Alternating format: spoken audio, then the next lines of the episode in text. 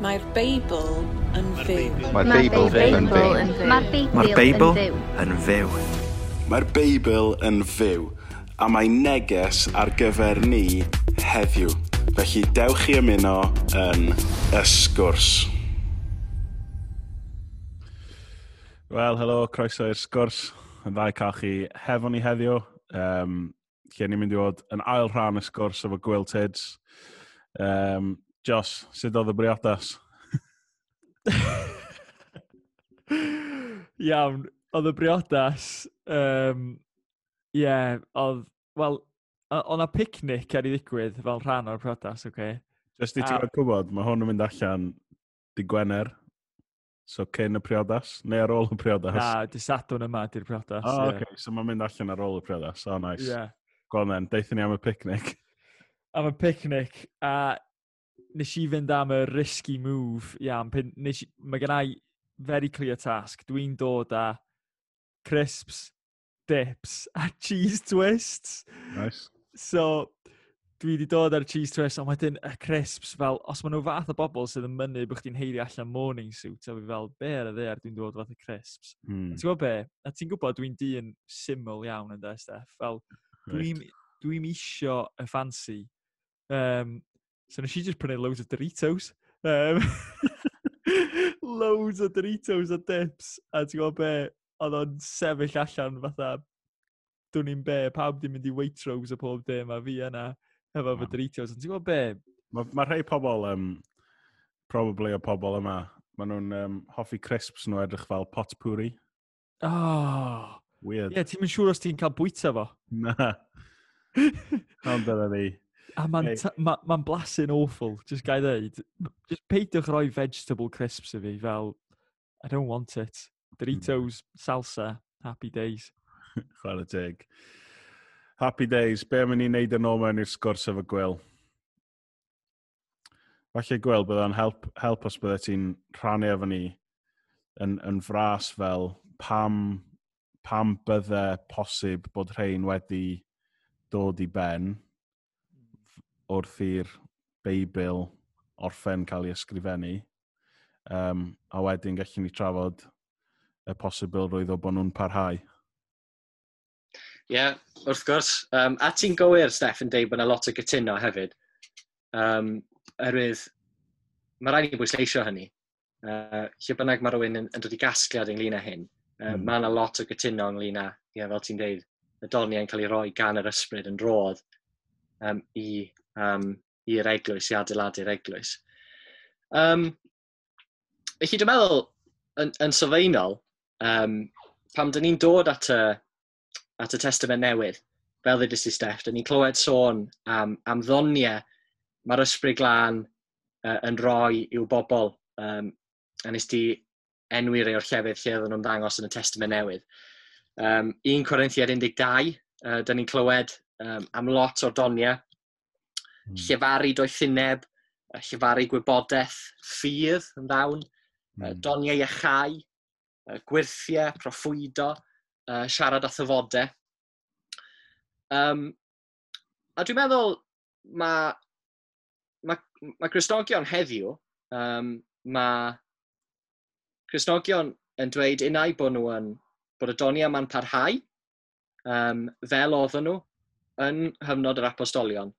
Um, a mae yna grisnogion eraill yn dweud bod y doniau falle um, wedi peidio.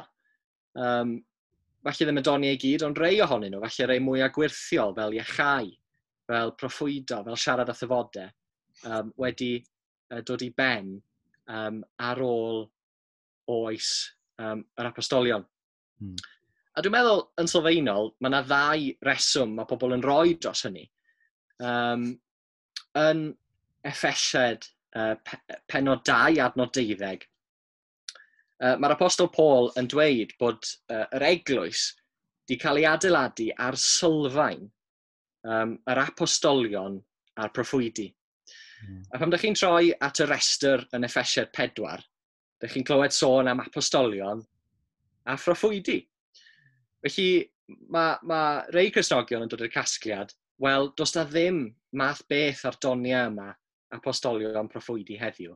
Oherwydd sylfaen oedden nhw ar gyfer yr eglwys yn oes yr apostolion. Yeah. A wedyn, yr ail beth um, ydy uh, rhywbeth o 1 Corinthiad 13. Um, na, na i ddyfynu e, os gai, um, just, just i helpu ni wneud synwyr o'r peth. 1 Corinthiad 13, um, dyma be mae ma Paul yn, yn ddeud yna. Nid yw cariad yn darbod byth, ond proffwydoliaethau o ieithau fe'i diddymur hwy, a thyfodau bydd taw arnynt, a gwybodaeth fe'i diddymur hwy. Ond pan ddaw'r hyn sy'n gyflawn, fe ddiddymur yr hyn sy'n anghyflawn. Mm. So be, be mae uh, Paul yn ei ddweud o fyna, um, ydy uh, pam bydd y peth yma'n dod, um, mae'n dweud um, y peth sy'n gyflawn, bydd tafodau, siarad a thybodau, uh, gwybodaeth, proffwydolaethau um, yn dod i ben. Um, a mae rei Cresnogion wedi cymryd yr hyn sy'n gyflawn i olygu uh, canon uh, y testament newydd. Mm. Um, ag, erbyn... Sorry, ti'n mynd i ddeud yma, Steph? Na, na. Dwi'n meddwl falle tro cyntaf i fi sylweddoli hyn yn cyd-destun 1 Corinthiad 13, lle dyn ni'n darllen yr un geiriau am ffydd, gobaith a cariad. Mm. A o'n i'n gwrando ar pregeth gan dad, actually, yn ddiweddar, lle oedd o'n sôn byn y diwrnod pan bydd dim angen ffydd, yeah. achos byddwn ni'n gweld Iesu. Mm. Bydd dim angen am gobaith, achos byddwn ni yn y nefoedd a deiar newydd, mm. ond bydd cariad yn parhau i dragwyddoldeb, mm. achos byddwn ni'n addoli Christ byth hmm. bythoedd. Mm.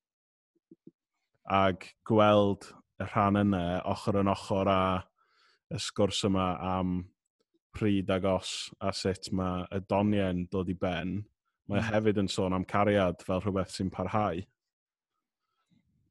So byddwn ni'n gallu, byddwn ni'n gallu dod yn ôl at y, y ddadl yna trwy ddeud, wel, mae Paul efo perspektif tragwyddol fan hyn yeah, fi'n cytuno efo ti, Steph. So, mae rhai grisnogion yn dweud bod yr hyn sy'n gyflawn yn 1 Corinthian 13 yn golygu canon y testament newydd. Erbyn yr ail ganrif oedd um, Cresnogion uh, ar draws y byd um, yn, yn cytuno be, be oedd y canon, oedd yr ysbryd glân uh, wedi, wedi dod ar llyfrau at ei gilydd y 27 ohonyn nhw. Hmm. Um, a wedyn mae Rhain dweud unwaith oedd, oedd y llyfrau yna gyd at ei gilydd, um, oedd ond o ddim angen doni ar ysbryd glân eto, dyna beth be mae'n dweud. Ond mae'n ymddangos i fi, a ti'n ti iawn, Steff, um, na siarad am, am ail ddyfodiad Iesu Grist uh, mae Paul yn hyn. Pan mae Iesu Grist yn dod nôl ar ddiwedd amser, fi na ddim angen siarad o thyfodau, fi na ddim angen uh, gwybodaeth oherwydd fydd Iesu Grist yna. Hmm. Mm. Jos, bydde fi'n ddiddorol clywed gen ti fan hyn fel, dwi'n meddwl mae fi a Gwyl um, yn dod o cefndir eitha tebyg o ran to, di tyfu mewn, fyny mewn capelu traddodiadol achos mm. swydd, swydd dad. Mm. Um, ag, to, hyd yn oed os mewn capelu traddodiadol enwadol bod yr arweinwyr ddim yn credu bod y doniau wedi dod i ben, mm. mae'r ffordd dyn ni'n arfer ein ffydd yeah mm ddim yn rhoi mm-hmm. llawer o le i mm. doni ar ysbryd, fel dyn ni'n darllen yn effesiaid un Corinthiaid. Mm. So, dwi'n meddwl, be, be di profiad ti, achos to, yn amlwg ti wedi cael lot mwy o bod mm. mewn settings gwahanol o ran teulu um, yeah. yr eglwys. Ie, yeah, ie. Yeah. Wel, dwi'n meddwl mae um, mam a dad, uh, dad yn enwedig yn... Um, cymysgedd hyfryd rili really, o profiadau um, o wahanol draddodiadau o'r eglwys. Um, o ie, yeah, cefndir traddodiad, traddodiadol Cymraeg um, a hefyd profiad o uh, mynd i brifysgol St Helens Bishopsgate sydd yn eglwys anferth um, fwy ceidwadol sydd yn ddiddorol, dwi'n meddwl, o'ch ti'n bigo fyny ar hwnna, Steph, probably un o'r eglwysi yma lle um, fo na cred fod y rwydoniau'n parhau, ond efallai yn yr, yn, ym, yn ymarfer ddim cweit yn gweld ar un peth. Ond yn fan o dad yn dweud, hei, gys i'n nysgu sut ti...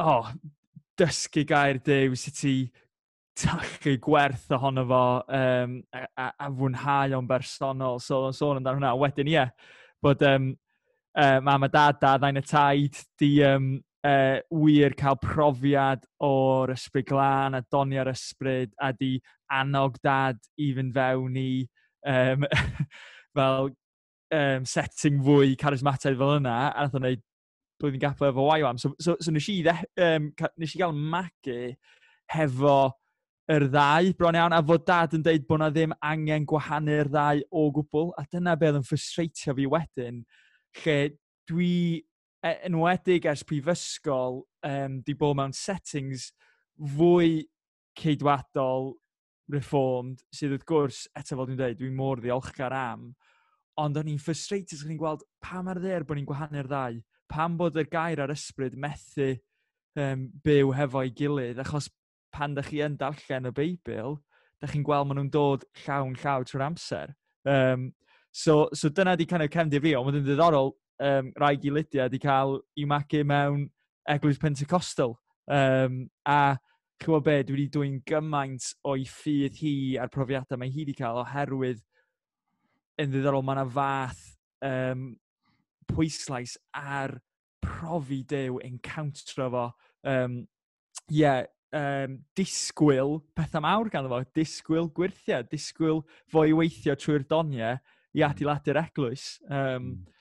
So dwi wedi cael fy siapio um, mewn gwahanol ffyrdd. Um, a dwi'n meddwl fel o'n i eisiau pico fyny ar hwn, lads, wrth i ni landio hwn, really, ydy um, be mewn edrych fel heddiw yma i, i, i isio um, yr model yma o'r testament newydd yn ein eglwysi ni heddiw um, wrth meddwl amdan, ie, yeah, bod yr doniau'n parhau, um, fod nhw'n empawrio ni um, i rannu Iesu, i wneud fawr i Esu ag i adeiladu'r eglwys.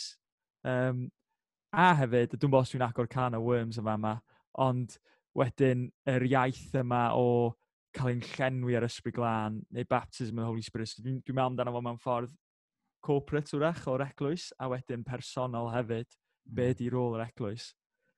Sorry, bach o um, rambles. Na, na dwi'n meddwl ti wedi codi lot o bethau pwysig fel Ac e, gweld Tedino mewn fan hyn ar, ar un ochr, dyn ni'n gallu credu, ond anwybyddu a dim wneud lle i'r ysbryd fod ar waith. Ar, ar y llaw arall, dyn ni'n gallu credu a wneud gormod o'r o mm. fel yr emosiynol ac ta symud i ffwrdd o'r gwirionedd wedi greiddio yn y gair. Mm. Um, so ie, yeah, fel fel eglwys ond hefyd yn bersonol, sut, sut bydde ti yn, yn delio hefo y cwestiynau yma um, mae Jos di codi? Ie, yeah, lot, lot o gwestiynau mae, mae Jos di codi. A mae'n ma rili really diddorol clywed um, profiad Jos, erwydd um, dwi'n meddwl, mae rhaid i ni feddwl am, am ddoni ar ysbryd heddiw. Um, mae rhaid i ni gymryd y Beibl o ddifri Um, be mae'r hmm. Beibl yn ei ddweud mm. am doni ar ysbryd. Um, a lot ohonyn ni, um, dyn ni angen gwneud hynny fwy aml. Um, hmm. oherwydd, dwi, dwi wedi dod i'r casgliad bod doni ysbryd yn parhau. Um, bod ni'n ni, gweld hynny yn, yn y Beibl. Um, a dwi'n meddwl, Steff, ti'n llygad y le hefyd yn dweud fel falle her ein hoes ni ydy'r pegynnu yma rhwng um, falle bod uh, rei Cresnogion yn gwneud gormod o ddoni ar ysbryd, um, bod, bod hwnna'n dod yn bob peth. Um, lle mae Paul efo lot i ddeud am, am ffrwyth yr ysbryd, er enghraifft. Um, rhywbeth, da ni'n ni, siarad amdano fe eto, ond rhywbeth pwysig iawn.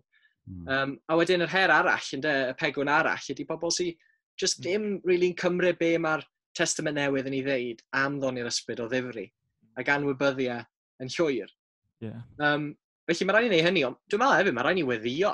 Um, mae rhaid i ni weddio um, bydd yr arglwydd yn rhoi doniau i'w ysbryd.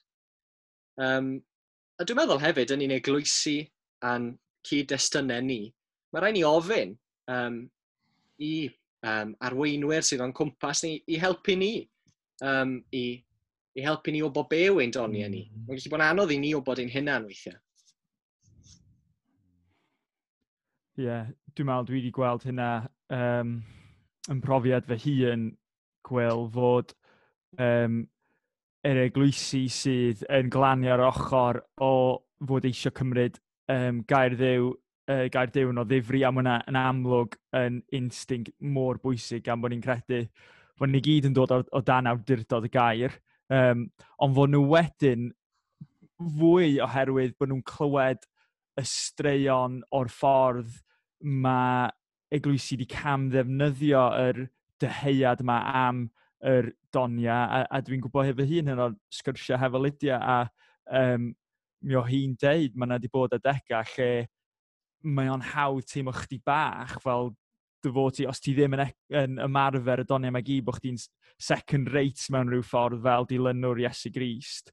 Um, ond wedyn bron iawn bod ni'n uh, yn gwrthryfela yn erbyn hynna a, a wedyn ddim yn barod i roi le hynna rhag ofyn bod yna cam ddefnyddio ond eto dwi'n dwi, dod nôl i un o bethau wel, dwi, dwi methu ddim mentionio Matt Chandler rwan. Um, yeah.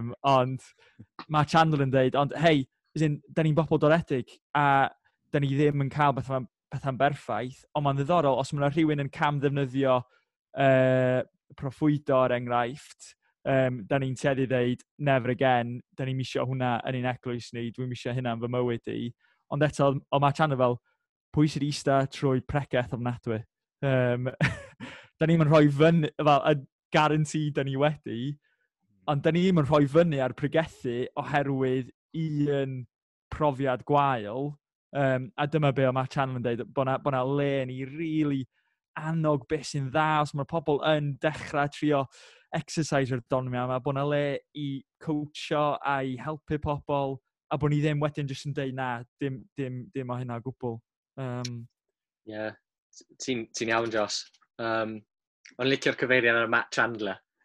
Um, yr ydd, mae Matt Chandler yn, yn enghraifft o rywun doeth iawn, dwi'n meddwl, sy'n sy yn ddiwygiedig, reformed yn ei ddiwynyddiaeth fel fi, ond hefyd yn credu hmm. ym mharhad doni ar ysbryd. Um, a mae'n yna genhedlaeth newydd um, o bobl fel yna trwy'r byd i gyd, a maen nhw wedi sgwennu lot o stwff. Um, ewch ar y we, ewch ar blog Gospel Coalition, mm. uh, fel um, John Piper, um, Americanwr arall um, o'r enw Sam Storms. Mm. Um, yeah, mae ma llyfr Sam Storms, um, Practicing the Power, di bod, di bod yn help i fi, just dechrau deall y, y cwestiynau yma. Um, Dwi'n meddwl mae hwn yn sgwrs pwysig achos dyn ni wedi dod, dyn ni wedi cyrraedd pwynt lle er mwyn sicrhau undod, peidiwch siarad am yr ysbryd glân. Mm. A gall hwnna ddim fod yn iach um, i grisnogion ag i'r eglwys. Um, so dwi'n meddwl mae hwn yn sgwrs pwysig fel bod ni jyst yn dechrau deall safbwyntiau ein gilydd, um, dysgu beth sy'n gyffredin, mm parchu beth sy'n wahanol. Mm. As Joss yn sôn am cam ddefnyddio neu second rate Chris, mm. Christianity, ar ôl ni blannu ffynon, nath me um, e, hen wr ddod draw i, i gael paned hefo fi, oedd o'n Gristion, mynd i capel, lawr yn gyfyrddin. A dyma fo'n dyma fo'n deud wrth fi yn, yn Saesneg, Steff, dwi ddim yn gwybod sut bod ti'n dal, dal ymlaen i wneud hyn beth sy'n cymell ti? Mm. Mae rhaid bod gen ti rhyw sens mawr o duty. Sut wyt ti'n neud hyn heb yr ysbryd glân? Ac yn amlwg, ta, yn, yn traddodiad fo a mm. um, classic Pentecostalism, o'n i heb cael ail fedydd yn yr ysbryd, a felly o'n i ddim hefo'r ysbryd glân, ond o'n i dal yn neud, trio wneud gwaith dew. Mm. A sut dyn ni wedi cyrraedd y pwynt yna. Ac hirau dyn ni'n mynd heb siarad, mm. mwy o broblemau fel yna dyn ni'n mynd i gael. Ie. Yeah. Ti'n ti iawn, Steff. A ddim just siarad, hefyd, hefyd sgwennu. So ni'n caru gweld rhywun, falle rhywun sy'n gwrando ar y podcast yma'n sgwennu llyfr uh, am oh. be mae'r Beibl yn ddeud am yr ysbryd glân yn Gymraeg. Yn Gymraeg. Mm. Dwi'n meddwl pwy dy'r boi wneud yna. Ie, yeah, dwi'n meddwl bod gweld i siarad i hyn mewn i job fan hyn. O, oh. o na, bechod, dwi'n mynd i roi o job i rhywun arall. Ti'n meddwl pwy dwi'n mynd i roi'r job i? Pwy? Ac mae'n granto, bydd o'n gwybod. Esteias Grandis, mae o'n cael y job. Os mae yna rhywun sy'n barod i siarad amdan hyn, fod i'r boi. Um, a mae'n barod i herio hefyd, a dwi'n meddwl bod pob, um, wel, sef fi'n dweud, pob Christian yng Nghymru rili really, an gwrando iddo fo. Um, a ddim just i'w stori fewn wedyn be mewn weld yn yr eglwys um, yma yng Nghymru. A yn yeah. union hynna, dwi, dwi ddim yn meddwl yeah, bod na sens o fel bod yn second rate, ond dwi'n meddwl mae yna her o ran lle mae'r grym yn dod o, a dyma be o'ch ti'n dweud gweld reit ar y dechrau, ac deu'n adnod 8, fel mae Iesu'n gaddo fydd yr ysbryd yn dod ac yn rhoi nerth iddyn ni mm. i hmm. rannu Iesu. Um, ac eto dwi'n meddwl, waw, lle, lle mae'r nerth yna? Lle, lle da ni'n tynnu y nerth o heddiw yma? Um, hmm. oherwydd, oes na oes na digon o rannu Iesu mynd ymlaen. Um, a bod hwnna wrach yn, yn ddarlun o yr angen da ni efo unwaith eto, jyst i ddwy'n hyder a courage bron iawn o'r ffaith bod, ie, yeah, Matthew 28 yr un sydd efo pob awdurdod, mae o hefo ni ac yn ein nerthu ni i wneud disgyblion. Amen. So, Amen, Jos. Da. Ni Anian, anian yr ysbryd glan. Da. Wel, ni mor diolchgar i ti gwyl um, am ddod mewn ar y sgwrs a yeah, just helpu ni dechrau meddwl trwy y cwestiynau yma. Um, Dwi'n gyffroes i gario ymlaen achos nesaf dyn ni'n mynd i tynnu ar be dyn ni wedi ddysgu o'r Beibl wrth i ni edrych ar hanes yr eglwys yng Nghymru um, a hefyd bywyd personol y Cristion um, a hmm. profiad personol um, ambell berson o'r ysbryd glân. So, yeah, dwi'n meddwl, da ni wedi gosod y sylfaen a dyn ni'n diolch i ti am hynna gweld. Um, a diolch i chi am rando, diolch am ymuno yn y sgwrs. Os mae gennych chi cwestiynau neu sylwadau, rhanwch nhw hefo ni. Um, a nawn ni weld chi tro nesaf. Hwyl fawr.